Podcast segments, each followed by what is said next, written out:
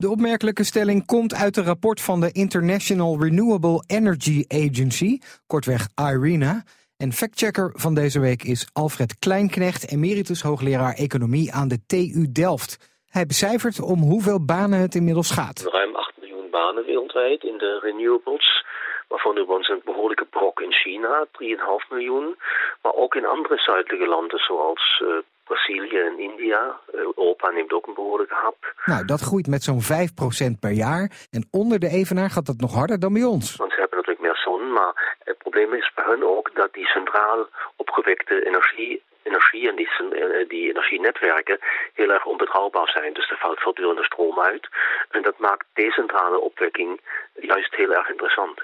Aan de fossiele kant gaan juist veel banen verloren, onder meer door de lage olieprijs. Ja, kijk, het is gewoon een proces van creatieve destructie.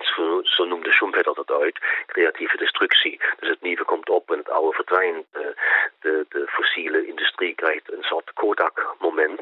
Waar ze zich zullen realiseren, vroeg of later, dat ze aan de verliezende kant zijn. Overigens zijn er op de lange termijn veel minder mensen nodig voor de opwekking van schone energie, verwacht Kleinknecht. Kijk, over 20, 30 jaar zal het een rijpere industrie zijn die dan allerlei schaaleffecten, leereffecten benut heeft. En waar dan meer gestandardiseerde procedures en technologieën zijn. En dan worden ze natuurlijk hartstikke efficiënt. Dan gaan natuurlijk de prijzen omlaag.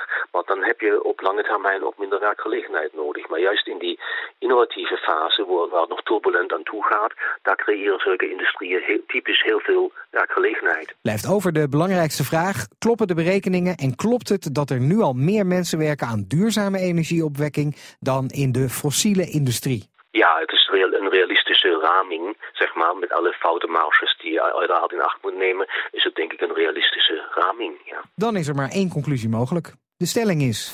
Helemaal waar.